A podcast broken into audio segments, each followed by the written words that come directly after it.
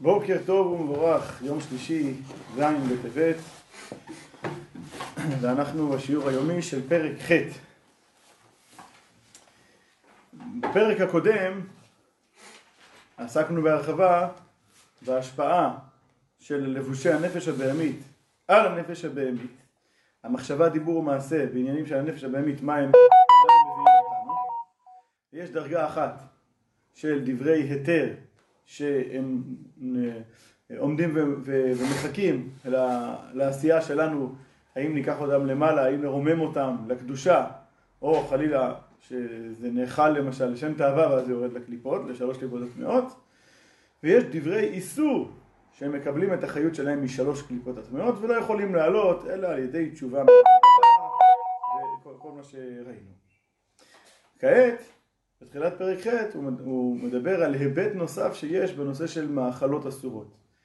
בכלל בנושא של אה, כשרות האכילה וההידור בכשרות האכילה זה דבר שבאמת אה, כשמדובר על העולם הפנימי של האדם ועל עבודת השם הפנימית אז ידוע שלכל התחום הזה יש השפעה מאוד מאוד אה, משמעותית, יש כל מיני סיפורים וגם התייחסויות של הרבי לנושא הזה, עד כמה כשרות והקפדה על כשרות האכילה משפיעה על, אה, על המצב הרוחני שלנו. מה שאנחנו מכניסים פנימה לגוף שלנו מאוד מאוד משפיע על התודעה שלנו, על החוויה שלנו, ולכן העניין הזה של זהירות אה, והקפדה, אז אצל חסידים זה היה גם מהמקום הזה של חס וחלילה לא להיכנס אפילו לספק, ספק, ספק של משהו שהוא לא בתכלית הכשרות, כי זה נהפך להיות חלק ממני וזה משפיע עליי למקומות שאני לא רוצה.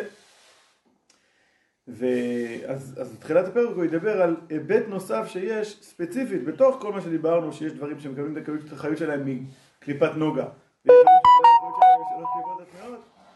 יש, יש אה, אה, התייחסות מיוחדת לנושא של אה, מאכלות אה, אסורים.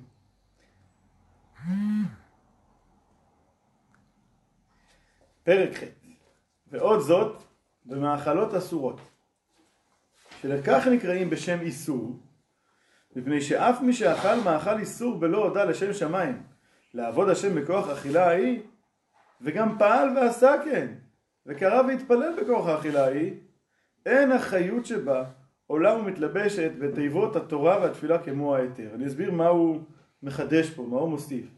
בפרק הקודם התייחסנו ל, לירידת החיות שאדם השקיע, או שאדם קיבל מהמאכלים הלא כשרים, האסורים, לשלוש קליפות הטמעות. אומרת, זה מתייחס למה שנקרא לגברה, למעשה של האדם.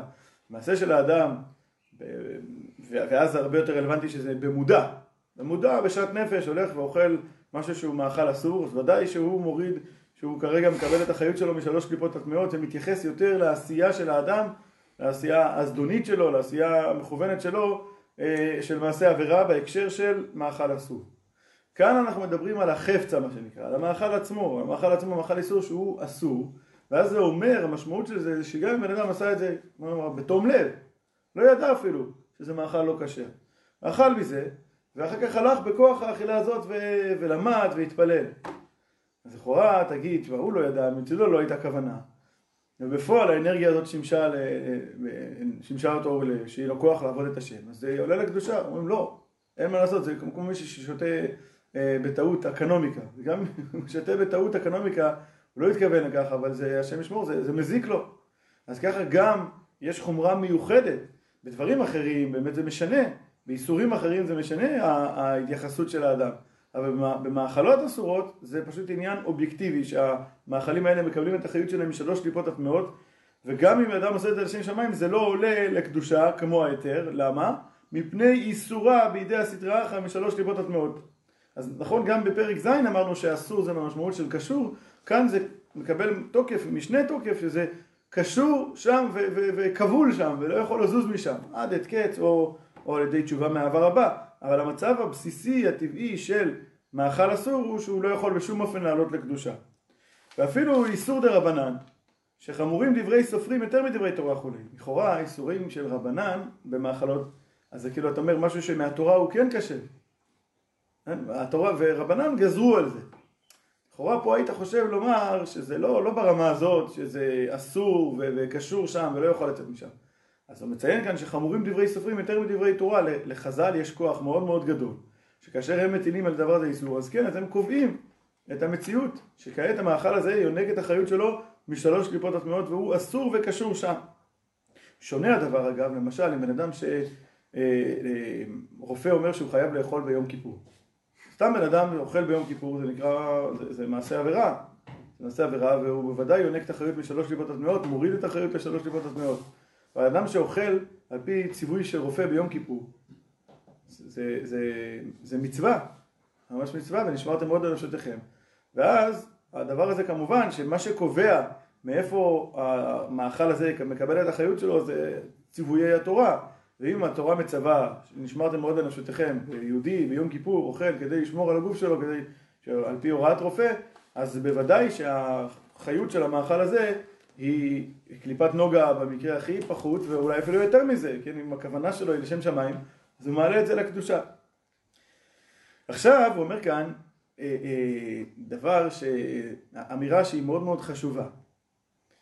אה, בעצם במציאות הטבעית שלנו, שיש לנו נפש אלוקית, וגם הנפש הבהמית שלנו היא מקליפת נוגה, כן? אז בעצם אנחנו כיהודים לא היינו אמורים להיות בכלל בכלל בסיטואציה או באיזושהי נקודת התייחסות ושייכות למעשה שהוא עבירה, למשהו שהוא שלוש קליפות הטמעות. כאילו, מה, מה לזה וליהודי בכלל?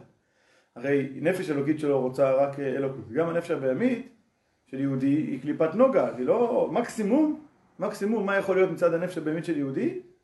אכילה של מאכל היתר לשם תאווה. שזה מוריד את זה לפי שעה לקליפות, נכון? אבל כשהוא שב להשם, אז זה חוזר איתו, ככה למדנו. אבל מאיפה מגיע ליהודי אה, בכלל אה, אה, רצון, כן, ושהוא חוטא במשהו ששייך לשלוש קליפות הטמעות? מאיפה זה מגיע לו?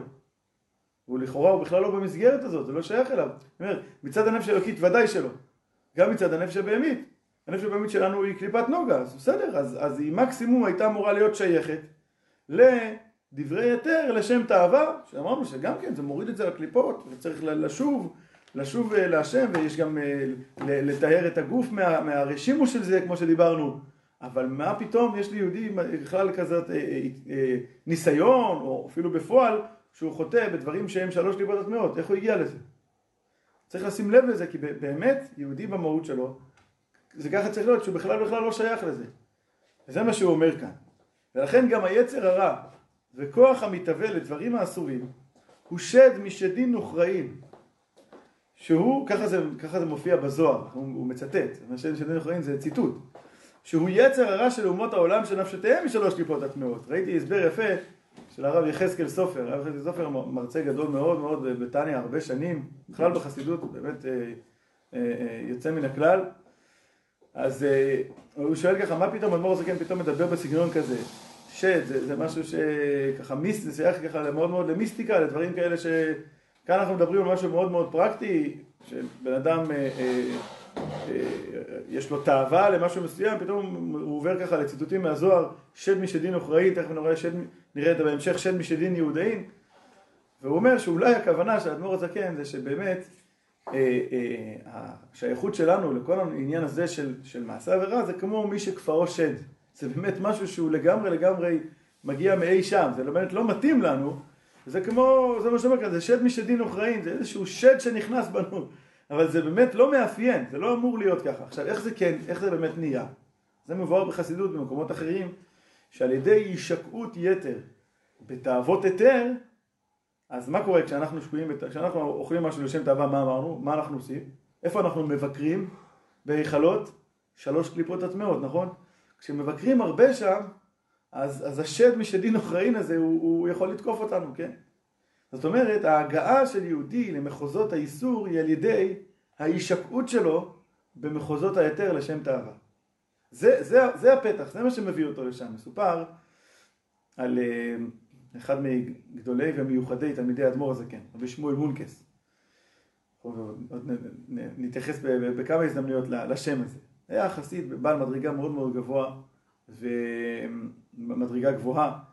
באמת היה אדם גם למדן גדול, גם יראי שמיים, צדיק, נהג בחסידות, ו... אבל הדרך שלו הייתה דרך כזאת שובבה, ואהב דברי צחות. יש כמה וכמה סיפורים מדהימים, אנחנו נגיע אליהם, אבל היה בהקשר שלנו, אז היה פעם שהיה התוועדות של חסידים, הוא היה תמיד אחראי על הכיבוד, הוא מביא את הכיבוד להתוועדות. והגיע מהבית של, ה... של השוחט, הגיע להתוועדות ריאה מטוגנת, איזה מאכל ככה ש... והוא החזיק את זה ככה עם הסיר, הביא את זה להתוועדות, ופתאום, והוא ראה שזה, שיש שם התלהבות גדולה מאוד, אז הוא, הוא החזיק את זה ביד ולא הגיש את זה לשולחן. אז התחילו להגיד לו, תשמע, כאילו, זה התחיל להיות שם מאומס וזה, ובשום אופן, בשום פנים באופן, אני לא זה, התחמק, התחמק, בסוף לקח את זה וזרק אותה. תפסו אותו צעירי החסידים, שמו אותו על השולחן, והתחילו להלקוט אותו, מה אתה עושה? בל תשחית, ומה זה צריך להיות? טוב, הוא לא, אוקיי, הוא ספג את, ה, את, ה, את המלכות האלה בכבוד, וכעבור אה, זמן אה, זה, הוא הלך להביא כיבוד אחר, ובינתיים הגיע אה, שליח מהבית של השוחט, שליח מבוהל, חבר'ה, אל תיגעו בבשר, אל תיגעו בבשר, הוא היה בשר טרפה. יש שם הקצב, בטעות, העביר חבילה שהייתה מיועדת לגויים בעיירה, העביר את זה לבית של השוחט, ומזה זה הגיע להתוועדות, והוא שלח מבוהל, הוא שמע שזה הגיע להתוועדות בבית של הרבי, הוא שלח מבוהל שלא ייגעו בזה. אז עכשיו תפסו את רב שמואל עוד פעם, ושמו אותו, עכשיו זה היה זקני החסידים, שהתחילו לצלוף בו, אה, יש לך רוח הקודש, אתה לא מספר לנו, כאילו, מאיפה ידעת? אז הוא אומר, לא, אין לי שום רוח הקודש. אבל כשזה הגיע לכאן, אני הרגשתי בעצמי איזו תאווה מיוחדת לזה, וראיתי גם שככה זה מתקבל פה, באיזושהי תאוותנות מיוחדת. אז היה לי ברור שמשהו לא בסדר עם זה. שכזאת תאווה חזקה יש לזה, אז משהו לא בסדר עם זה. ולכן החלטתי ש, שזה לא יעלה על השולחן. אחר כך התברר באמת ש, ש, ש, שבדיוק ככה היה. רב שמואל הזה, כשאדמו"ר הזקן נגזרה עליו הגזירה של המאסר, לפני שהוא, לפני שהוא יצא, כאילו, לפני ש, כשבאו לאסור אותו, המאסר המפורסם שלא מזמן ציינו, י"ט כסלו, אז רב שמואל מונקס היה אז אצל האדמו"ר הזקן. ו... והוא ראה ככה שאדמו"ר הזקן הוא קצת מבוהל, אז הוא, הוא אמר לאדמו"ר הזקן, אה, האדמו"ר הזקן שאל אותו, האם, האם ללכת איתם, כאילו, האם, האם ללכת למאסר ככה? אז אמר לו, ממה נפשך? אם אתה רבי, אז לא יאונה לך כל רע. השם ישמור לך גם שם. ואם לא, אז באיזה רשות לקחת מכל כך הרבה אנשים את הגשמק, את החיות בתאוות עולם הזה? כי באמת כשלומדים בתניא, זה עניין מאוד מאוד זה, אבל, אבל תשימו לב, עשינו את הפעם את ההבחנה בין סגפנות לבין איתקפיה, זה לא אותו דבר, נדבר על זה עוד. סגפנות, לזה אין מקום ביהדות, אבל בהחלט לכבוש את התאווה, את הכוח המתאווה, זה בוודאי עבודה מאוד מאוד גדולה. זה לא סיגוף. צריך לשמור על הבריאות, וגם על שמירת הבריאות צריכה להיות לשם שמיים. אבל, אבל מתן דרור לתאוות שלנו, גם כשהם בתחום ההיתר, זה דבר שהאדמו"ר הזקן מחנך להימנע ממנו. ממש, זה דבר מאוד מאוד מובנה בסדר העבודה של נתניה. כשאנחנו לומדים כאן את פרק ח' אנחנו מבינים כי כשיהודי שקוע, שיקוע יתר בתאוות היתר, השלב הבא זה שנכנס בו שד משדין וכראין ומושך אותו גם לתאוות איסור. ולכן גם היצר הרע בכוח המתהווה לדברים האסורים הוא שד משדין וכראין, שהוא יצר הרע של אומות העולם, שנפשותיהם משלוש קליפות הטמעות, אז הם שייכים לזה, אבל יהודי בעצם לא שייך לזה, זה כמי שכפרו שד. מה שאין כן היצר הרע בכוח המתהווה לדברים המותרים, למלא תאוותו, הוא שד משדין יהודאים, למה? למה הוא נקרא ככה? לפי שיכול לחזור לקדושה כדי להי. נכון שזה כוח המתהווה, ונכון שזה יכול למשוך אותנו לענייני היתר, לשם תאווה, ואז זה יורד לפי שעה לקליפה. אבל, מכיוון שבסופו של דבר זה שד משדים יהודאים, מכיוון שזה עדיין בתחום הקליפת נוגה, אז כמו שאמרנו, כשאדם חוזר לעבודת השם, אז החיות הזאת חוזרת איתו. אך מכל מקום, קודם שחזר לקדושה הוא סדרה אחרא וקליפה, ואנחנו כבר יודעים מה זה המושגים סדרה אחרא וקליפה, נכון? בפרק ו' ביססנו אותם. צד אחר שאינו צד הקדושה, מה שמכסה על האמת האלוקית המוחלטת. זה הכל, זה, זה העניין של קליפה בסדרה אחת. אפילו זה קליפה בסדרה אחת.